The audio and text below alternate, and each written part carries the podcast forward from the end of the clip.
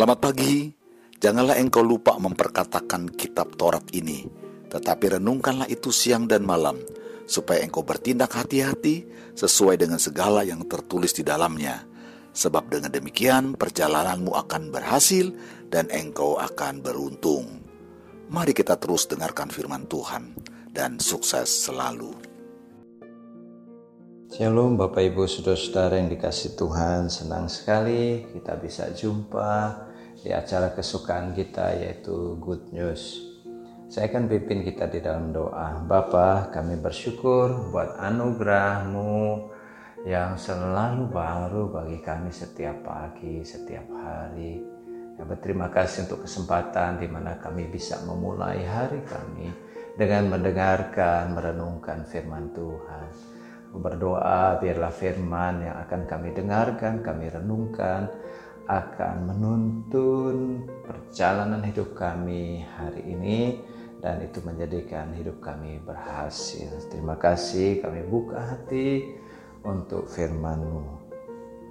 Dalam nama Yesus, haleluya, amin. Tema Good News hari ini adalah selalu waspada. Kata waspada memiliki arti berhati-hati, berjaga-jaga, siap sedia. Kata ini memberikan kepada kita ingatan pada para penjaga di pintu masuk kantor penting di pemerintahan ataupun misalnya markas-markas militer serta tempat strategis lainnya. Mereka bertugas menjaga dan mengamankan. Kewaspadaan adalah kualitas yang harus dimiliki. Kita menjalani hidup sehari-hari pun perlu kewaspadaan, bukan terhadap darah dan daging firman Tuhan katakan atau terhadap manusia, tetapi lebih dari itu adalah iblis dan roh-roh jahat. Iblis dan roh-roh jahat yang tidak pernah berhenti bekerja untuk menjatuhkan, mengintimidasi, mencobai, bahkan merusak kehidupan anak-anak Tuhan. Walaupun kerap tidak disadari kehadiran serta tipu dayanya, tetapi Alkitab menegaskannya demikian.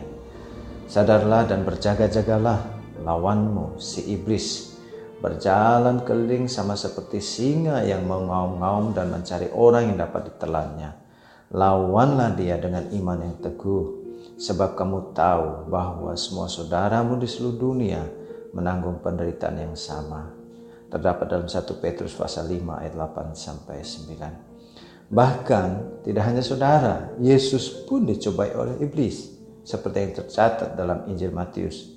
Lalu datanglah si pencoba itu dan berkata kepadanya, "Jika engkau anak Allah, perintahkanlah supaya batu-batu ini menjadi roti." Kemudian iblis membawanya ke kota suci dan menempatkan dia di bubungan baik Allah dan iblis membawanya pula ke atas gunung yang sangat tinggi dan memperlihatkan kepada semua kerajaan dunia dengan kemegahannya. Dan ini dicatat dalam Injil Matius pasal 4 ayat 3, ayat 5 dan 8. Alkitab memberikan cara jitu untuk mengalahkan iblis. Roh jahat yang coba mengintimidasi dan menjatuhkan, mencobai merusak hidupmu. Begini caranya. Pertama adalah lawanlah dia. Firman Tuhan katakan lawanlah dia. Melawan artinya tidak mundur. Tidak berbalik arah apalagi menyerah. Melainkan berdiri di atas iman yang dilabuhkan pada kebenaran bahwa Kristus telah bangkit dari kematian dan telah mengalahkan maut dan iblis serta roh jahat. Dan Alkitab menegaskan pembelaannya demikian bagi saudara dan saya dan Allah sumber segala kasih karunia yang telah memanggil kamu dalam Kristus kepada kemuliaan yang kekal akan melengkapi, meneguhkan, menguatkan, dan mengokohkan kamu sesudah kamu menderita seketika lamanya. Ialah yang empunya kuasa sampai selama-lamanya. Terdapat dalam 1 Petrus pasal 5 ayat 10 sampai 11. Yang kedua, caranya adalah begini, perkatakan firman Perkatakan firman. Firman Allah disebut sebagai pedang roh yang diberikan kepada kita sebagai salah satu di antara banyak perlengkapan peperangan seperti yang tertulis dalam kitab Efesus. Akhirnya, hendaklah kamu kuat di dalam Tuhan, di dalam kekuatan kuasanya. Kenakanlah seluruh perlengkapan senjata Allah supaya kamu dapat bertahan melawan tipu muslihat iblis. Karena perjuangan kita bukanlah melawan darah dan daging, tetapi melawan pemerintah-pemerintah, melawan penguasa-penguasa, melawan penghulu-penghulu dunia yang gelap, melawan roh-roh jahat di udara. Dan terimalah ketopong keselamatan dan pedang roh. Ingat ini, pedang roh, terimalah pedang roh, yaitu firman Allah. Ini terdapat dalam Efesus pasal 6 ayat 10 sampai 12 dan ayat 17, pedang roh yaitu firman Allah. Iblis dan roh-roh jahat adalah roh dan tidak mungkin dilawan apalagi dikalahkan secara fisik. Allah memberikan remanya, firmannya, rema. Kata firman di sini pakai kata rema, ya. Rema Allah yaitu perkataan-perkataan Allah yang hidup dalam diri saudara. Kata-kata Alkitab yang menghidupkan iman dan rema itu ya bekerja seperti pisau bedah. Jika diucapkan, rema itu sudah ucapkan pada saat iblis dan roh jahat datang padamu dalam bentuk intimidasi mungkin, pencobaan mungkin, atau sedang coba menjatuhkan maupun merusak hidup saudara.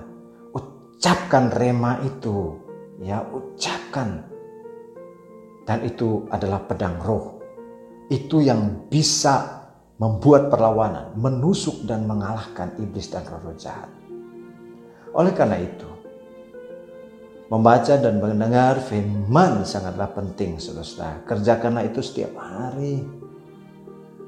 Dan ingat, mintalah roh kudus menghidupkannya. Menghidupkan, hanya roh kudus yang mampu menghidupkan firman itu.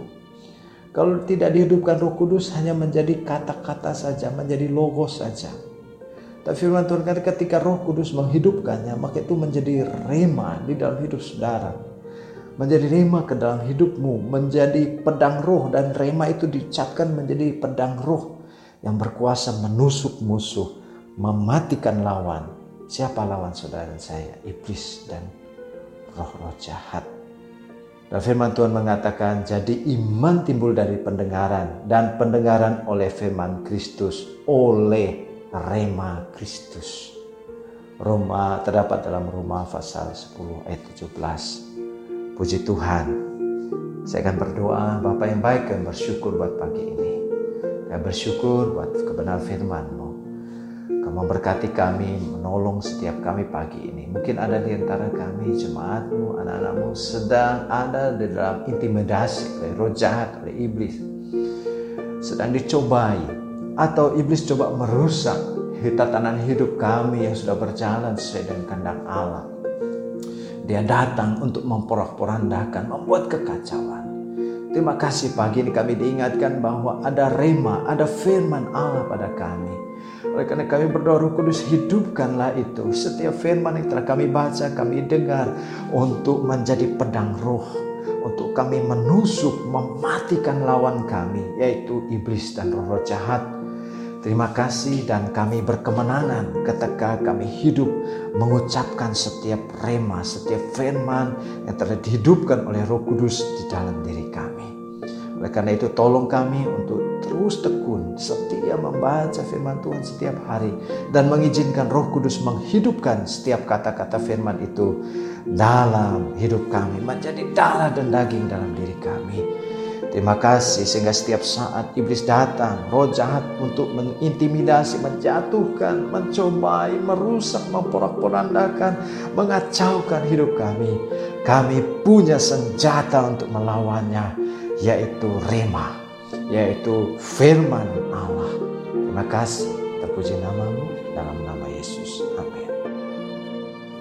Puji Tuhan, saudara yang dikasih Tuhan, saya percaya firman Tuhan menjadi berkat dan kekuatan buat saudara semua dan Roh Kudus akan memberikan pemahaman yang lebih dalam tentang kebenaran firman Tuhan. Tuhan Yesus memberkati saudara semua. Sampai jumpa dalam renungan yang berikutnya. Haleluya.